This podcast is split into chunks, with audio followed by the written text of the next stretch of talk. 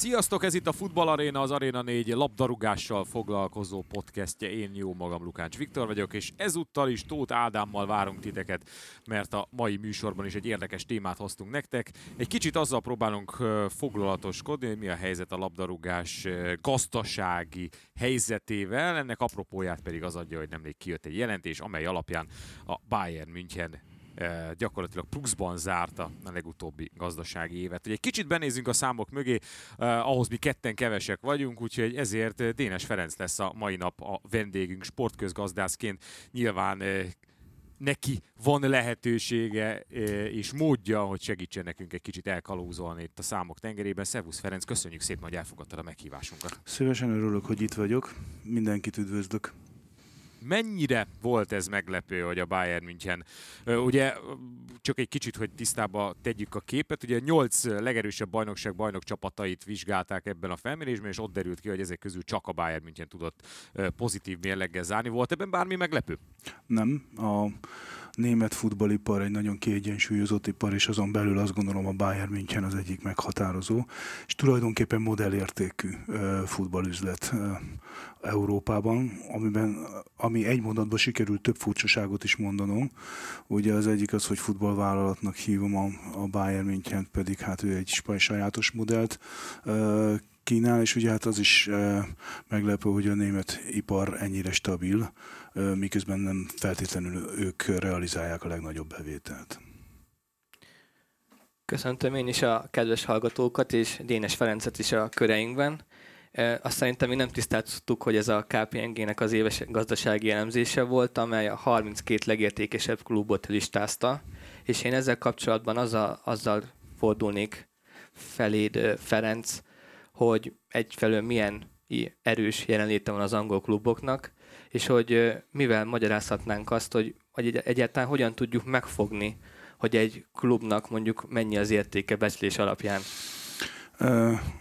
Érdemes a KPMG-n kívül figyelembe venni talán a, a Deloitte jelentését is, hiszen aznak is van egy 2019-2020-as jelentés, ami tavaly januárban jelent meg, és az UEFA is készít jelentést. Tehát ez a három együtt, az egyik ugye az öt nagy ligára vonatkozik, a KPMG ugye, ahogy említetted is a 32 kiemelt csapatra, az UEFA pedig az egész európai uh, labdarúgásban. Bármelyiket is nézzük, azt látjuk, hogy az, angol futball a domináns Európa, futball gazdaságilag, nem akarom megosztani a társaságot, hogy mindenki a saját szurkoló és futball kultúráját meg e, stílusát e, e, megbántva érezze. Tehát gazdaságilag egyértelműen, nem is így mondom, bevétel szempontjából egyértelműen az angol futball a legerősebb. Arra lennék kíváncsi, hogy a Newcastle esetében láttuk, hogy volt egy tulajdonos váltás, hogyha mondjuk egy külgazdag mecénás azon elmékedik, hogy milyen klubot szeretne felvásárolni, miként és hogyan esett mondjuk a Newcastle-ra a választása. Mert ugye látjuk, hogy a Premier League az nagyon erős gazdaságilag, hogy hogyan tud oda úgymond betörni. Ezeknél, ezeknél a befektetéseknél egy kettős szerepet kell látnunk, és akkor vissza, visszamennek akár a Manchester City felvásárlásáig 2008-ig. Az egyik egy úgynevezett soft power típusú befektetés, ami kevésbé a pénzügyi, realiz, pénzügyi előnyökre realizál, vagy koncentrál, hanem sokkal inkább azt mondja, hogy a, azt a típusú értékrendszert, kultúrát, befolyást, amit az adott felvásárló képvisel, mm, nem feltétlenül csak ideológiáról van szó, de elsősorban mondjuk ideológiai megfontolásból azt kívánja megjeleníteni egy olyan platformon, amit a világon nagyon-nagyon sokan követnek. Ez történt egyébként a Newcastle esetében is, hiszen ugye tudjuk, hogy a szaúd-arábiai, ha úgy tetszik, állami alap az, amelyik jelen van a, a felvásárlás mögött. A világ egyik leggazdagabb alapjáról beszélünk. Másrészt viszont van egy gazdasági, ténylegesen egy gazdasági befektetés, de ez a gazdasági befektetés nem a futballra vonatkozik. Tehát nem a Newcastle-ból, vagy nem van feltétlenül a Manchester City-ből akarnak nyereséget realizálni. Ugye az egy, az, a Manchester esetében ugye a, Manchester City, a városi fejlesztések voltak, és az ahhoz kapcsolódó koncepciók voltak nagyon vonzóak. Newcastle pedig azt mondják az elemzők, hogy a kikötő, hiszen a Szaúd-Arábia keresi azt a, azt a utat és azokat az utakat, amit esetleg az olaj gazdagság utáni időszakban be kell járjon, és azt mondja, hogy például egy ilyen logisztikai, tengeri logisztikai központ kép, vízió Szaúd-Arábiának jelen van, és azt mondja, hogy például egy ilyen tengerparti városban, egy fontos logisztikai központban megvetni a lábát, és ott adott esetben különféle kapcsolatrendszeret kell, hogy ténylegesen üzletet építeni, ez nagyon fontos lehet. Kicsire hossz, kicsit hosszúra nyúlt beszédemnek a lényege az, hogy ezek a befektetések egyrészt azt mondom, két részből is nagyon veszélyesek a futball számára. Egyrészt van egy pénzhígítás, Ugye uh, egyszerűen bérinfláció jön létre, hiszen nem megtérülésre mennek ezért, és be akarnak vásárolni játékosokból, ezért nagyon-nagyon megemelik a fizetéseket, amit egyébként a, piac, a piaci alapon működő cégek nem nagyon tudnak, vagy nehezen tudnak csak követni. A másik pedig az, hogy az a típusú tiszta üzlet, ami mondjuk egy iparágra vonatkozik, tehát hogy abból csinálj üzletet, amit, amit, amit képviselsz, szolgált ki a szurkolóidat, építsd a piacot, építsd a jövőt, az áttevődik egy másikra, és ez inkább csak egy ilyen típusú költségközponttá válik. Azért az utóbbi időben láthattuk ennek a negatív oldalait, és mi van akkor, hogyha egy, egy-egy csapat egy növekvő gazdaság miatt folyamatosan hiteleket görgetett maga előtt, mégis úgy gondolták a befektetők, hogy ez egy fenntartató folyamat, mert hogy a gazdaság stabil lábakon áll. Jött a koronavírus, ez megdöntött mindent, és láthatjuk, hogy jelen pillanatban nagy klubok mekkora veszteségeket könyveltek el. Itt most, most elsősorban a, a felé kanyarodnék el, hogy rendre visszatérő elem a beszámolókban, hogy itt azért nagy részt annak köszönhető a bevételkiesés, hogy zárt kapusok voltak a mérkőzések. Mennyire tehető egy nagy klub esetében mondjuk egy olasz sztárcsapat, Juvenél, Internél lehetett ezt hallani, hogy, hogy több mint 200 millió eurós veszteségeik vannak a Barcelonánál. Mennyi lehetett ebből az, amit a meccsnapi jegy kiesés hozott magával? Ez változó, mert azért mondjuk a Barcelonánál egy nagyon komoly jegybevétel realizálódik, a Juventusnál nem feltétlenül, és ugye nem csak nézőszámról van szó, hanem jegyárakról is van szó, a kettő együttes adja ki a, a, a bevételt, és azt gondolom, hogy egyáltalán nem véletlenül, hogy a Barcelonát érintett az egyik legérzékenyebben a, a, a pandémia. Másrészt engem is meglepett be valami őszintén, hogy mondjuk a televíziós bevételek ilyen komolyan csökkentek. Tehát egyrészt, a, egyrészt ugye nyilván az zárt kapus dolog miatt kiesnek a nagy nézőszámú ö, csapatoknál a bevételek, de egyébként a média is valamilyen módon visszafogta a, a között. Nyilván amiatt is, hogy bizonyos mérkőzések elmaradtak, vagy felfüggesztettek bajnokságokat, vagy átrendezték. Ellenben úgy tűnik, hogy például a, a kereskedelmi bevételeket még növelni is sikerült. Tehát miközben egyik oldalon elvesztetted a szurkolókat, mert nem, nem tudtad beengedni őket, másik oldalon a szurkolók hűsége úgy nézik rövid távon nem tűnt el, hiszen a kereskedelmi bevételeknek egy jelentős része a merchandising, tehát a szurkolók azért kifejezték azt, hogy jelen akarnak uh, uh, lenni.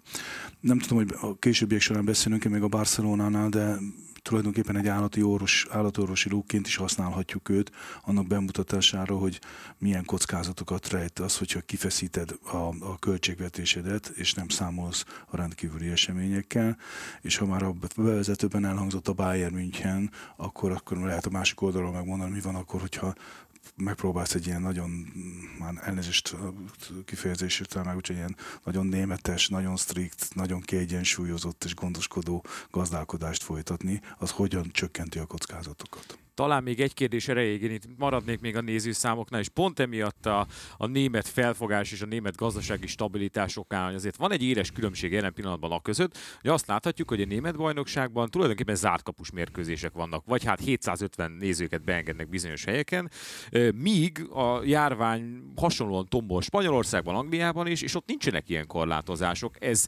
párhuzamba állítható azzal is, hogy ott azért a, a koronavírus járvány sokkal jobban megtépázta magát, az iparágat, a klubokat, ott állami segítsége bele kellett nyúlni még az angol csapatoknak a gazdálkodásába is, vagy ez már egy picit túl misztifikált történet így?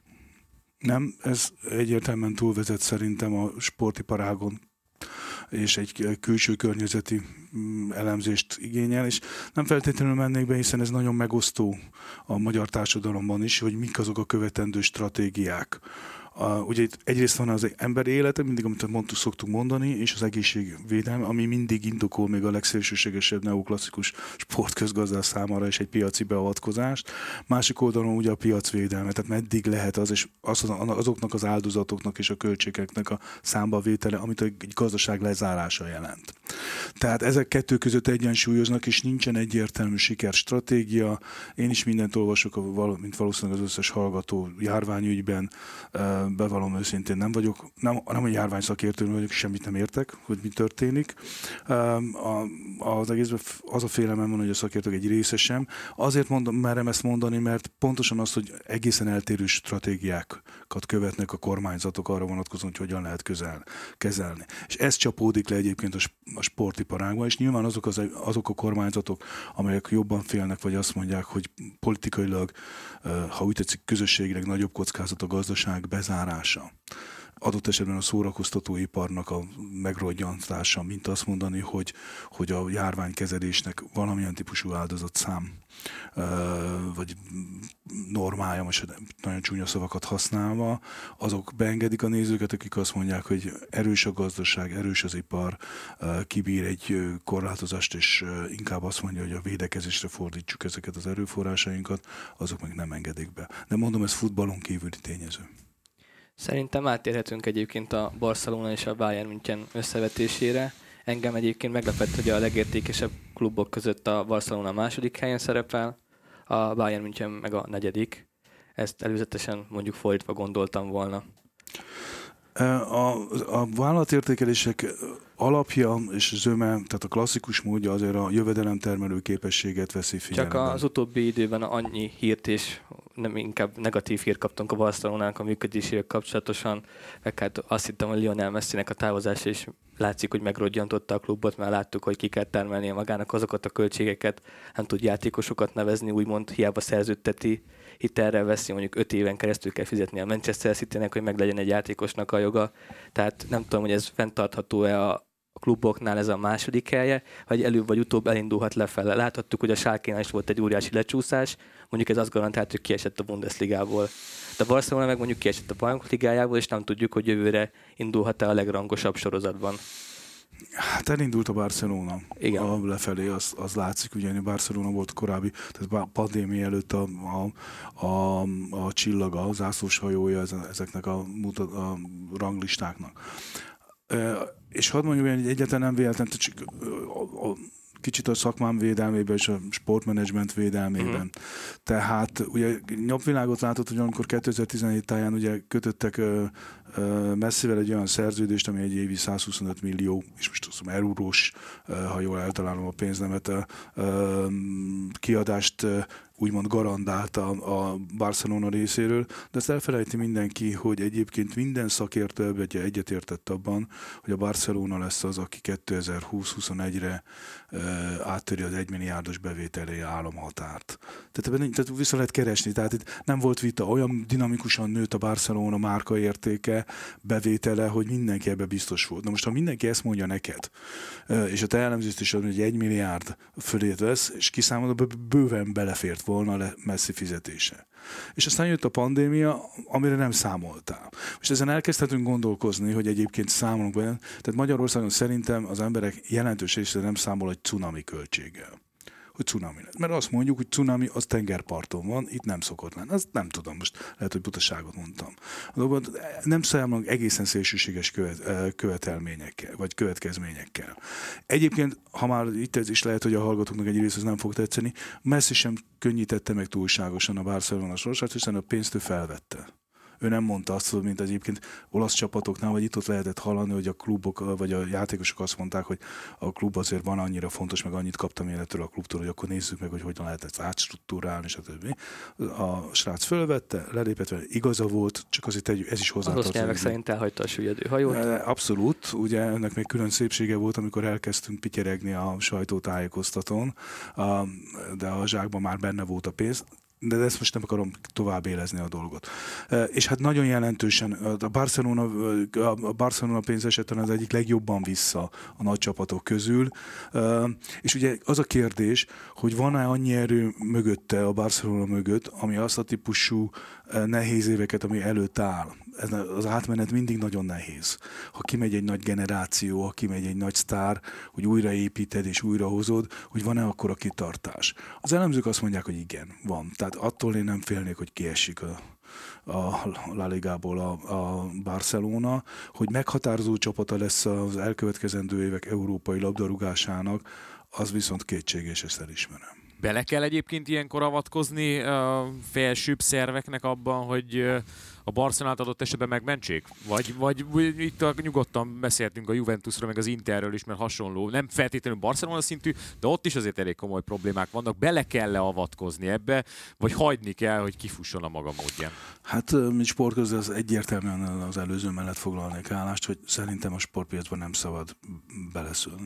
Nincs, nincs, igazi, nincs igazi közérdek a mögött. Persze a szórakoztatóipar fontos, stb. Ugye erre jelenik meg, és ez a magyar kormány is azzal érvel, hogy ez nem csak szórakoztató ipar, hanem ez valamilyen típusú nemzeti kulturális ügy, és ez, ez, ez az a közérdek, ami miatt például a sportot és a labdarúgást Magyarországon a kormány támogatja. Katalóniában egy... talán ez hatványozottan igaz is lehet, nem? Katalónia tehát, hogy azért jó példa. Igen, igen tehát hogy az ré- régiós zászlós hajó is a Barcelona egyben, tehát hogy ott a helyi érdekeltségek sem feltétlenül engedhetik meg maguknak azt, hogy, hogy kiszálljanak a Barcelona mögül, vagy hagyják elsüllyedni ezt a bizonyos Jó, de ez hajót. piaci megoldás. Igen. Tehát ha azt mondod, azt mondod hogy, hogy nekem, mint, katal, igen, mint igen, egy katalán márkának fontos, akkor áldoz rá. Bele pénzt, igen. A de itt Magyarországon nem, Magyarországon is nem csak Magyarországon, nagyon sok helyen a világon, ez egy szakralitás kérdése. Azt mondod, hogy ez több, mint futball, ugye ezt azért Barcelonában is ismerik ezt a, ezt a valami hasonló mondást. Ez több, mint futball, ez egy nemzeti ügy. Több, mint egy klub több, mint egy klub, és akkor ehhez, ehhez kell alkalmazkodni. Ez egy, mondom, elvi vita, tehát mint neoklasszikus sportközgazdász azt mondom, hogy nem szabadna, és egy piaci folyamatokra kéne hagyni, mint egy 59 éves ember, aki látott már sok mindent ebbe a dolgba dolgozott államigazgatásba is, azt mondom, hogy bizonyos társadalmi érdekeket meg figyelembe lehet venni, és én nem, nem futok el attól, hogyha egy kormányzat egyébként meg, megpróbál a piacgazdaság és valamilyen típusú közérdek között valamilyen típusú egyensúlyt teremteni. Az elemzése kicsit visszakanyarodva, itt kiderült, hogy a top 10 klubnak a, az értéke az a 66%-át teszik ennek a 32-nek, amit kigyűjtöttek úgymond, és itt szeretnék visszautalni rád egy, tweet, egy tweetedre, egy idézetedre, hogy alig egy héttel vízkereszt után eldőlni látszik, még a Bundesliga is izgalmasabb, e, utaltál a City Chelsea mérkőzésre, és a következő kérdés az mondani, hogy nem lehet megúszni a Superligát. Szerinted eljutottunk-e arra pontra, hogy már csak az az egyetlen megoldás, hogy egy szuperligában teljesedjenek ki ezek a top klubok. Nagyon, már nagyon régen eljutottunk. Uh-huh. Tehát már említettem az előbb az UEFA kimutatását, és azon jól látszik, hogy az utóbbi tíz év alatt milyen rettenetes koncentráció ment végbe. Hát 15 csapat gyakorlatilag elviszi az európai futball kétharmadát. Tehát szurkolótáborban, meg gazdasági erőben, tehát potenciáljában még ennél többet is. És ha még hozzáveszed, az öt, hozzáveszed még ötöt, akkor gyakorlatilag azt mondom, az európai futballpiac, az érde érdeklődés, a, a, a márkaérték, a vonzóhás, aznak majdnem háromnegyedét elvitted Európában. Egy 20 csapattal. Tehát ez kiállt azután, hogy ezt a 20 csapat álljon össze, és legyen valami. Ugye ennek az ellenérve, hogy akkor mi lesz, akkor lesz, akkor azt, tényleg azt akarjuk-e, hogy soha az életben ne legyen Kisvárda Real Madrid. BL elődöntő. Mire én mindig visszakérdezem, mi hányszor volt eddig. Tehát mi az, amitől megfosztjuk magunkat. Nem akarjuk tudomásul venni, hogy ezek különböző szintű dolgok, mert ez az, az európai labdarúgásnak, tehát a szakkernek most ilyen értelemben, ez az egyik legfontosabb márka vonzata, hogy nigériai másodosztály és a Bundesliga az ugyanaz. De nem ugyanaz. Nem ugyanaz. Semmilyen szempontból nem ugyanaz, labdával játszák. Már a vonalazásban is szerintem jelentős különbség van a, a, a kétfajta ipar között. De nekünk ez ez az év, évünk, hogy tulajdonképpen, ha egy kicsit gyakorultunk volna, akkor mi is lehetnénk vén rónik. Nem lehetnénk. Az az igazság. Vagy, vagy Lewandowski. Nem lehetünk Lewandowski, mert nem azok vagyunk. Na most ezt nem vagyunk hajlandók tudomásul venni, és ebből fakad ez a, ez a szerintem alap probléma, hogy nem akarjuk elfogadni és megérteni, hogy az a típusú világ, amiben felnőttünk, ugye én mondhatom, ti, ti nem mondhatjátok, mert ti már azért ebbe az új világba születtetek, az megszűnik megszűnik, és igazából már megszűnt. És ezért van, most lehet ezért ostorozom még egyébként a közvéleményt, bocsássatok meg, mert, mert hamisak az érzéseink, meg egy kicsit nem őszintétlenek vagyunk. Imádjuk a, a gyönyörű futballt és azért rajongunk, hogy fantasztikus, meg mit tudnak, csak ez pénz van mögötte. Ezt a pénzt meg meg kell termelni. És azáltal termeled meg, hogy ennyire, hogy ennyi, hogy ekkora uh, profitot tudsz termelni, és azt visszaforgatod bizonyos mértékig. De ennek, ha nem szabályozod, akkor óhatatlanul egy monopolizált helyzeteket hoz létre, mint ahogy monopolizált helyzeteket hozott létre Európában mindenütt. És egyszerű a játék, azt mondod, hogy ezt a 20 csapatot felejtsd el, 16, 18, 22, mindegy, összetolod, és azt mondod, hogy bezárod a kaput, ettől félnek a legtöbben Európában, és azt mondod, hogy hajrá. És akkor azt kérdezed, és akkor mindig Paris Saint, minden évben nézünk Paris Saint-Germain, Bayern München. Négyszer. Én nem azt mondom neki, hogy ennél rosszabbat is láttam már. Igazából én csak egy utolsó gondolat erejéig térnék vissza a Barcelonának, hogy most látszik egyébként, hogy mennyire van létjogosultsága esetleg egy szuperligának, mert hogy nincs pénz, nincs messzi jelen pillanatban, nem jönnek az eredmények a Barcelonánál, nincsen, nem hogy telt ház, gyakorlatilag félház sem Barcelona mérkőzéseken, ezzel párhuzamosan meg a női csapat első El három nap alatt eladták az összes létező jegyet a, a Camp Nou-ba. Na minden, nem akarom, hogy az összes Barcelona Ez egy érdekes jelenség. Megutáljon minket. Ez egy nagyon érdekes dolog. Na kíváncsi lennék lennék ezzel kapcsolatban a te véleményedre. Nem tudom, tehát meg... véleményem sincsen, tehát a, a dolgokban, mert akarom látni, tehát én női futballal viszonylag kevéset foglalkozok, már úgy is, de sportgazdasági értelemben is, de ez engem is izgat, én is láttam ezt a hírt, és meg akarom érteni, hogy mi történik itt, mert ez, tehát ez nem sportgazdasági problém, nem sportgazdasági, valami olyan keresleti tényező lépett be, amit, amit én most nem látok, de majd utána fogok járni, hogy micsoda. Na a német klubok hozzáállása a Superligához is egy érdekes történet, mert itt azért gyakorlatilag azt láttuk, hogy azok a csapatok álltak ki leginkább az ötlet mellett, akiknek tudva levően voltak már akkor is, hát nem is feltétlenül akkor, de voltak pénzügyi problémái. Tehát ugye két spanyol gigász állt ki emellett. Leginkább az olasz csapatok voltak még benne nagyon sokáig, de a németek felől azért nem feltétlenül szorgalmazták ezt, valószínűleg nyilván azért is, mert gazdaságilag stabilabbak. Indokolt ilyen szinten az, hogy a németek ennyire elzárkóznak mellőle? Hát ezt nem, ez, ez nehéz nagyon megmondani, tehát hogy is mondjam, tehát különféle szerepekben ülünk itt. Mindenki sokféle szerepben ül itt. Én ugye ülök itt, mint ebben szakmaszerűen foglalkozó, mint az egyetemen ezt oktató, és ülök itt, mint szurkoló is ebben a dologban. Ezek más-más minőségek, és más-más megközelítések. A, a, alapvetően azt gondolom, hogy a németek azt vizsgálják, hogy ők hosszú távon hogy jönnek ki pénzügyileg a legjobban ez az én világképem, tehát ebben nem fogok tudni kitörni, és ők nem, nem feltétlenül vannak annyira biztos, nem biztosak abban, hogy, hogy, hogy egy ilyen európai szuperliga az feltétlenül jót hozna nekik. De én ebben azért nem értek egyet, mert mihez bevezeted, most, most könnyű oktatni, kioktatni az egész német futballipart, nagyon szép tőlem. Tehát azt mondom, viszont el kell elindítasz egy ilyen dolgot, szerintem ez egy, egy-két éven belül elül, mint ahogy a bajnokok ligájának ez a zárt rendszere, félig zárt rendszere, és aztán nem hogy elült a 90-es években, hanem meg, szóval egyszerűen imádjuk ezt a lebonyolítási sorozatot. És bocsánat, szerinted ezt ilyen könnyen át lehet ütni, mert említetted ezt a közvéleményt, ugye amikor az angolok csatlakoztak volna a Superligához, ott leginkább az angol szurkolók mondták, hogy jaj, meg kell menteni a labdarúgást, jajongtak, meg siránkoztak. Hát igazából, én ezt nem láttam. Mert hát az volt igazából a lényeg, hogy mindenki ilyen romantikusan és szentimentalistán áll ez a játékhoz, hogy David mérkőzhet Góliát ellen, a kicsi megverheti a nagyot, ugye utaltál a kisvárda, nem tudom, Real Madrid mérkőzésre. Az angolok ezt akarják elkerülni, hogy meglegyen mindenkinek az az esélye, hogy játszasson mondjuk a Cityvel. Hát ugye az első tiltakozó képet, amit láttam Manchesterből, ott körülbelül egy tucat ember volt. Viszont a sajtóban ezt a tucat emberet megfelelő, megfelelőképpen fotózva, azt viszont mindenütt láttam a médiumokban. Á, és onnantól kezdve elgondolkoztam ezen a dolgon, tehát nehogy, nehogy elkezdjétek, hogy persze megint a sajtó hibás. Nem a sajtó, a sajtó tette a dolgát hozta a sztorit, és akarta ezt építeni, és az emberek mondja, tényleg. És azt mondja, tényleg. Erre mondtam a kisvárdát. Tényleg, mi kisvárdiak már le vagyunk szarva. Angliában a szempontból a különleges, mert Angliában, ugye Angliában nem volt bajnokság. Az első versenysorozat az európai kontinensen, ami futballról szólt, az egy kuparendszerű FA kupa volt. Egy bárki nevezhetett. Rendszerben ebből vált. Ugye nem akarom elvinni az időt, de nagyon érdekes, mert ebben foglalkozom szakmaszerűen. Tehát a, a, a hivatásos labdarúgás pont ebből nőtt ki, hogy ezt akarta megszüntetni. Hogy az amatőrök és a hivatásosok keveredjenek, mert nem, tehát csőd, tehát csőd felé vitte az egészet. Be, lehet, hogy a pétánk lenne most a futball, ha ezt hagyták volna. Mert ugye ebbe van pénz. És még egyszer mondom, ez egy más minőség.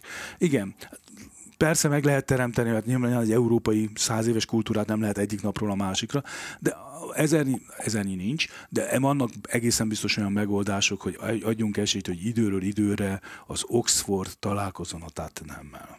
És ez egy európai szuperliga mellett is megoldható. Igen, csak az európai mentalitáshoz, ha már így fogalmazunk, akkor lehet, hogy őket inkább az zavarja, amit korábban mondtál, hogy ez zárt rendszerű lenne. Tehát, hogyha lenne 20 csapat, és hogy mondjuk nem eshet neki mondjuk kettő, és nem jutatna fel másik kettő, Egyébként az NFL-nél nagyon jól meg tudnak élni, meg az amerikaiak ebben az átrendszerben, de az európaiaknál nem tudják elfogadni, hogy úgymond nincs tétje annak az utolsó tíz csapatnak abban a 20-as versenyfutásban, mert hogy majd lesz egy playoff rendszer, a legjobb nyolc találkozik, és akkor lefutott az Európai Szuperliga éppen aktuális idénye. Nincs tökéletes lebonyolítási szakasz. Egyébként az egyik legtökéletesebb az a magyar futball lebonyolítási szakasz a 12 csapattal.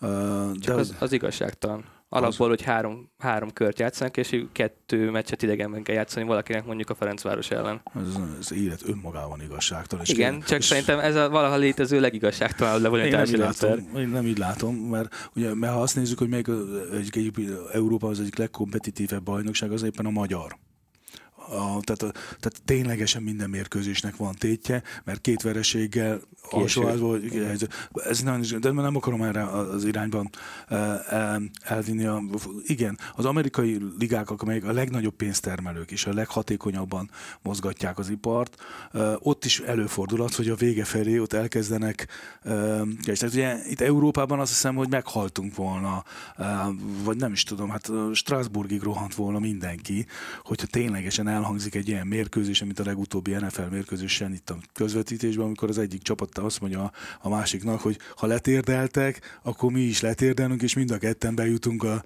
a rájátszás. És egyébként amennyire én ezt levettem, ez az amerikai közvélemény vagy média számára ez egy elfogadható dolog volt. Most tedd át ezt mezőköves kisvárdára.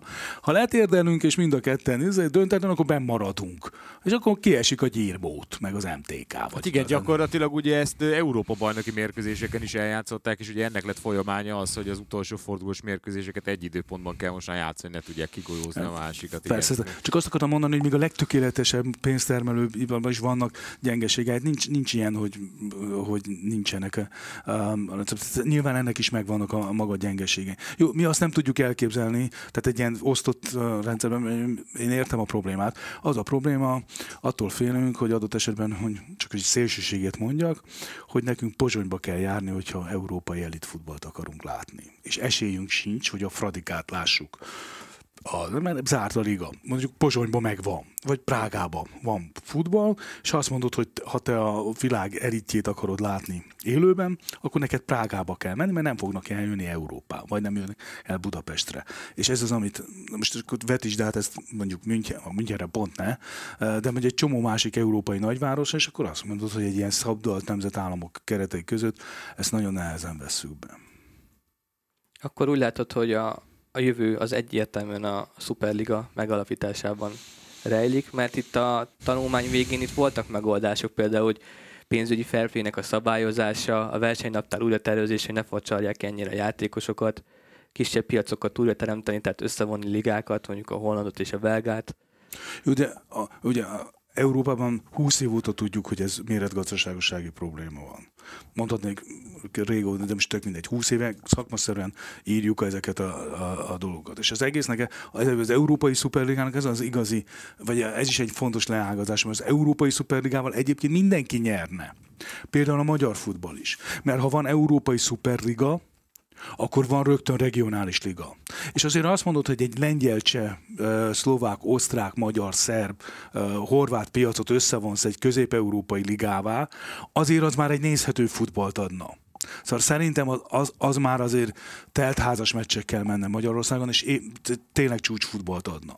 Jó, de, am, de ezt azért nem engedi, mert nem engedsz ország határon kívül. De mihez is megengedsz regionális bajnokságon, nem tudsz komoly érvet mondani és nem is hát szerintem minden bíróságnál elbuksz, ha azt mondod, de egyébként pedig európai szintűt, mint európai régiót meg nem engedsz indítani. Tehát ez az, ami bukta. Tehát itt ezen a, azt akarom, ezért mesélek ilyen hevesen, elnézést kérek a hallgatóktól, mindenkitől is, mert ez tényleg nőnükém. Tehát ezen az állásponton mindenki veszít. De még a szurkoló is veszít, mert egyébként ott vagyunk, egyébként ugye, hogyha az ember szórakozni akar, akkor nem otthon egyedül nézi a négy fal között, barátokkal elmegy kocsmába meccset nézi, ez a bajnokoknál mindenki nézi.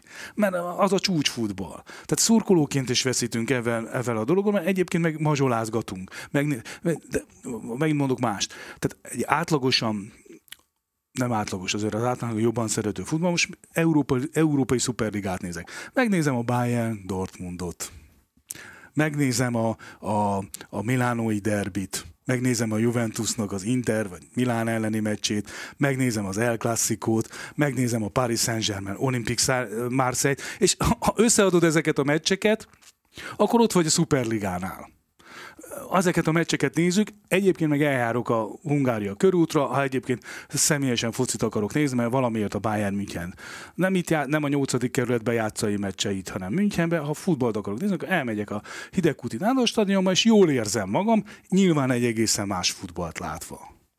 A másik nagyon jellegzetes téma, ami felmerül most a minél több pénzbevétellel kapcsolatban, és egy kicsit a futball megreformálásával kapcsolatban, az a két évenként megrendezendő világbajnokság. Erről mi a véleményed? Van ennek létjogosultság? Ugye rengetegen támadják, főleg az, az Európai Labdarúgó Szövetség, nyilván megvan nem mögött a saját érdekük, hiszen akkor tulajdonképpen az Európa bajnokságot majd nem dobhatjuk a kukába.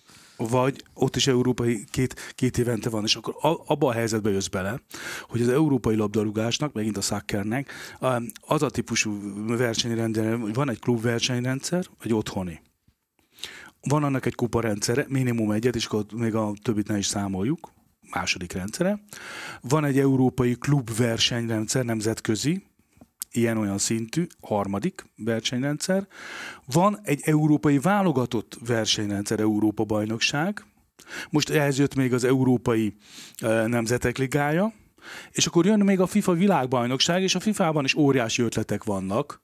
Ugye globális világbajnokság, tehát ott nagyon komolyan felvetődik az. 48 hogy, csapattal, igen. Ne, nem csak, hogy 48 csapattal, hanem azt mondod, bajnoki rendszerrel, ne kuparendszerrel, hanem miért, ha New Yorkból el lehet menni Los Angelesbe meccset játszani, Giants Rams mérkőzést, számol, vagy 8000 mérföld, akkor miért ne lehetne ugyanezt gyakorlatilag húz egy 8000 kilométeres vagy mérföldes kört, és akkor gyakorlatilag tudsz rendezni egy globális futball bajnoki rendszert.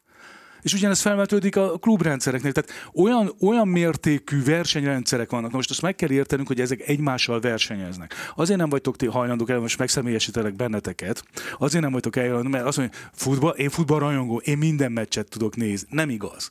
Egyszerűen dolgoznod is kell, családod is van, Egyébként meg te nem bírod. Van az úgynevezett csökkenő határhaszon elve, nem bírsz ennyi meccset nézni.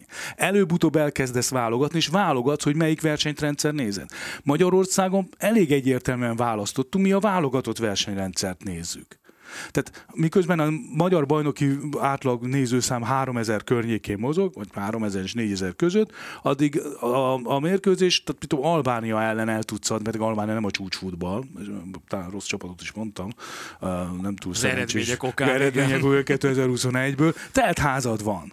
Mert, mert, mert a válogatottat mindenki akarja látni. És ugye a klubok azt mondják, hogy na de várjatok emberek, a Ronaldot én fizetem, nem kevés a fizetése. A Lewandowski-t én fizetem. És akkor Leva elmegy Lengyelországba, aztán ott rúgja a gólokat, esetleg megsérül. Hát ugye volt is ugye... Megsérül és kiadja a PSG elleni. Kiadja a PSG elleni meccset. Igen. És azt mondod, hogy gyerekek, ez, ez hogy van? És ugye ez, ez nagyon élesen fel fog vetődni, hogy akkor esetleg, esetleg a nemzetek, tehát mondjuk a Nemzeti Szövetség finanszírozza, de annak nincs értelme. Tehát nem csak a klubok, a játékosok is kikáltak már a versenynaptár újra tervezése mellett. Ellen. Ellen, ellen. ellen. A, most megint mondok egy nagyon durvát, mert nekem az a tisztem, hogy durvákat mondjak. Most a játékos az az egy alkalmazott, fizetett alkalmazott. Az nem az dönti el, hogy ő mit szeretne, hanem az, az dönti el, hogy mekkora teljesítményt tud leadni. Mert előbb-utóbb azt mondod, hogy ha már 80. mérkőzésen egyszerűen már megszakad, ugye, az amerikai futballban is ez a probléma, ott is tiltakoztak a játékosok, de alapvetően ugye a, a tulajdonosok is azon morfoníroznak, hogy a 17. körnek, amikor már mindenki sérült, vajon van-e értelme? Itt is az vetődik fel, hogy üzletileg ez tartható el a dologba, de ez megint egy mellékvágány ebből a, ebből a szempontból. Sokkal súlyosabbnak érzem azt a dolgot, hogy milyen típus egymással versenyző rendszerek közül melyik érik túl ezt a dolgot. És visszatér az Európai Szuperligába, ugye az, a kluboknak, és ez nagyon elsüllyed, ez a típusú érvelés. Nekem az a baja, hogy tulajdonképpen egy rajt kívül az üzlet termelési folyamatában részt nem vevő bürokrácia intézi ezeket a dolgaikat. Tehát az Európai Szuperligának volt egy olyan vonulata is, vagy van egy olyan vonulata is, hogy a klubok saját maguk szervezik meg a rendszert, nem kérnek egy kül- tőlük különálló bürokráciából. Ők ugyanúgy, mint az NFL-ben leülünk, 20 mint csinálják a Premier League-ben, tulajdonképpen a Bundesliga uh, uh, liga szervezetem, és majd mi eldöntjük, majd mi megbízzuk a, a dolgaink, majd megbíz, megcsináljuk a szervezőnket, mi is meg tudjuk csinálni ezt a, a, a dolgot jól. Uh, és azt mondja az UEFA, igen, de akkor mi, akkor mondja, de akkor mi lesz a kisvárdával?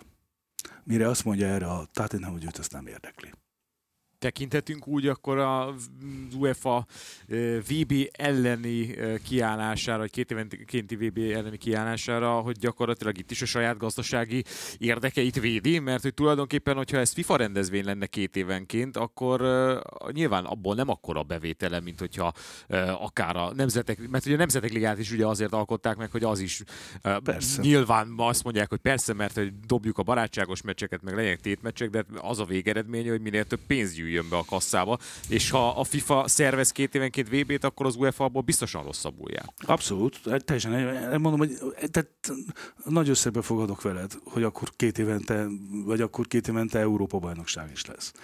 Pont emiatt, amit mondasz. És akkor ott állunk, hogy és ugye ezen elgondolkozhatunk, hogy egyébként lehet egy olyan versenynaptárt összeállítani, hogy azt mondod, hogy egyébként mondjuk a bajnoki rendszer nagyon szeptembertől márciusig tart, és márciustól, még mit tudom én, június végéig meg van egy válogatott versenyrendszer és rendszeresen visszajön ez a, a, a dolog, és akkor nézzük meg, hogy ez működik-e.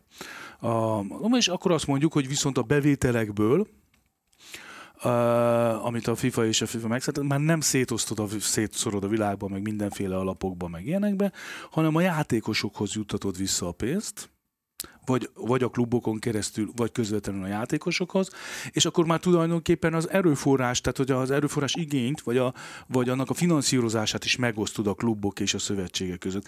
Most csak ötletelek, tehát nevet készpénznek, hogy én ezt levédettem, és akkor benyújtottam az UEFA-hoz, hogy és itt most titkokat árulok el. Gondolkozhatunk ezen. Tehát önmagában nem zár, mert az látszik, hogy ennek a nemzeteknek, a nemzeti versenysorozatoknak van értéke. Tehát az emberek nézik, szeretik a dolgot, tehát ha meg ha van rá keresed, akkor nem dobott ki, ez világos. De hogy akkor nézzük meg, hogy hogyan lehet ezt megosztani. Benne van az írva a, a, galaxik, a galaktikus alkotmányban, hogy a európai labdarúgás csak szeptembertől májusig lehet játszani? Vagy az elő van írva, hogy mondjuk nem lehet két csapata? Vagy nem lehet két különböző versenyrendszerbe egy adott csapatnak. Hát látjuk, hogy Európában, más sportágokban ez működik. A Tehát sokféle megoldás van. Egy dolgot kell ugye a, mindenkinek létrehozni, hogy egy tudomás van, hogy ezek versenyző elmélet, ezek versenyző ligák, és a versenyző ligák vagy megegyeznek, vagy kiütik egymást. A, a, a másik dolog, hogy ezt a típusú nemzeti tagoltságot, ezt nem lehet nagyon sokáig tartani az európai labdarúgásban, szerintem már elkéstünk ebben. A nemzeti tagoltság alatt mind a bajnoki rendezési dolgot, mint pedig a kereskedelmi oldalát nézve is.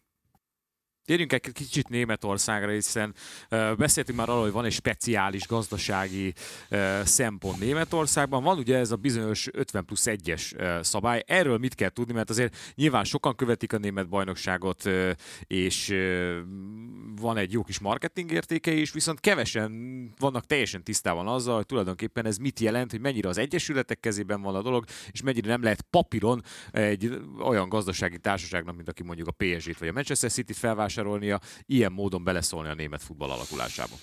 Ugye az alaphelyzet az, az alapszabály az, hogy a, a, a tulajdonon viszonyok között meg kell osztani az egyesület, tehát minden nagy klub között vagy futballvállalat mögött kell lenni egy egyesületnek, és a pénzügyi befektetők között a tulajdonrészt úgy, hogy a szavazati arány legalább egy szavazattal mindig, tehát a meghatározó szavazat az Egyesület kezeté, ke, kezében maradjon.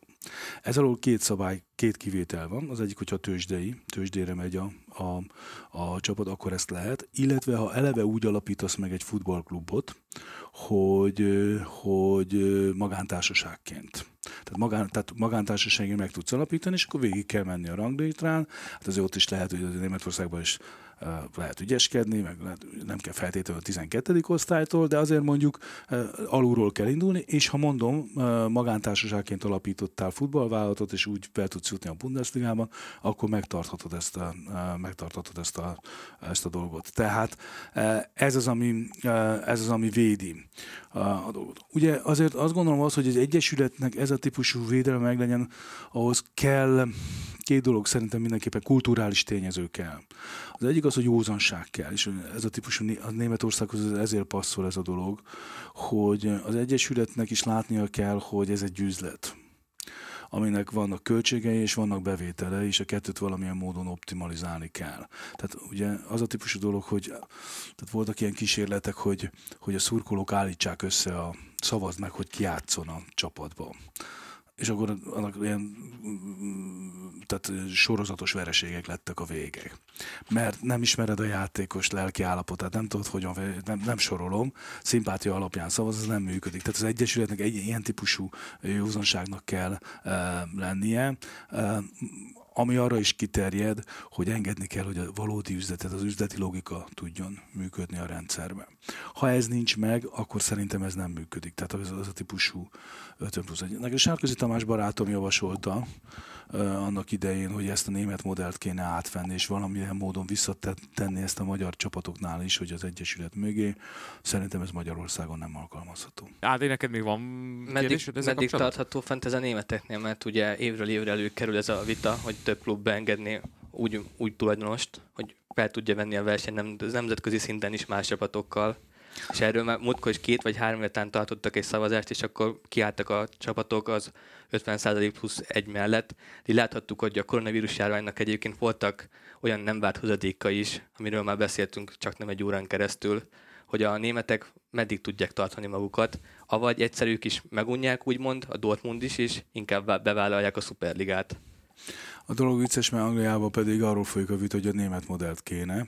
Ugye Németországban arról folyik a vita, hogy az angol modell. Ez inkább a televíziós jogok közti Tele... különbséget Igen, jelenti. Bár, bár ugye azért az egy fontos fejlemény, hogy utóbbi években azért most már a, a Bundesligában és a televíziós pénzek nagyon komolyá e, tudtak válni, meghatározóvá tudtak válni. Korábban ugye a kereskedelmi jog, e, jogok voltak azok. Szerintem ezek egyéni stratégia, tehát szerintem nincs itt, nem feltétlenül van erre nemzeti stratégia pontosan amiről, amiről beszéltünk, és ebben a helyzetben sajnos idézőjelben, hogy sajnos, a dezertőröknek mindig van egy kis előnyük. Tehát aki először lép, és azt mondja, hogy na gyerekek, akkor ezt engedjük el, és akkor én belépek a Superligába, és ott feltőkésítem magam, az, az, az mindig előnyre tesz szert. De ugye akkor kiléptél ebből a rendszerből. Az, az, az hogy Dortmundban a sárga fal hogy viseli ezt el, hogy kilépsz a német ligából egyedül, és belépsz egy másik ligába, azt nem tudom. Tehát azt nem, tehát, de, de, senki nem tudja, tehát hiába mondod, hogy te egy Dortmund szurkoló vagy, aztán te aztán mindent, mert nem tudod, mert ez egy olyan lélektani állapot, ami akkor dől el egy pillanat alatt, amikor ez bejelentett, hogy mostantól kezdve akkor te nem itt játszol, hanem ott játszol. A dologban egyébként pedig leigazoljuk mellé a félvilágot, mert annyi pénzünk lesz. Az egy kicsit méz a madzakom, hogy ezt el tud intézni, tehát ez egy adott helyzetbe tud lenni. Nincs, tehát én azt gondolom, hogy ez egy nagyon dinamikus változás, változó dolog. Azért nincs rá válasz, nem, nem kertelek, vagy nem terelek a dologba, mert még ez, pont amit ti említettetek, hogy ez a például ez a válogatott rendszer hogyan alakul. Ténylegesen hogyan alakulnak a bevételi arányok, mert ugye a bajnokok ligája, azt értsétek meg, hogy a, a, egy ilyen nagy csapatnál egy nagyon fontos erőforrás optimalizáció folyik. Tehát van a, nem, a, rengeteg versenyrendszer van, és próbálsz ezek között egyensúlyozni. A Mourinho csinálta a legdurvábban, nagyon utálták is a United szurkolók, hogy elengedte a bajnokságot, és megnyerte az UEFA vagy a Európa Ligát. Mert ott azon az ágon biztosabban be tudott jutni a bajnokok ligájába, mintha a bajnokságba harcolna. De a kettőt nem tudta megvívni.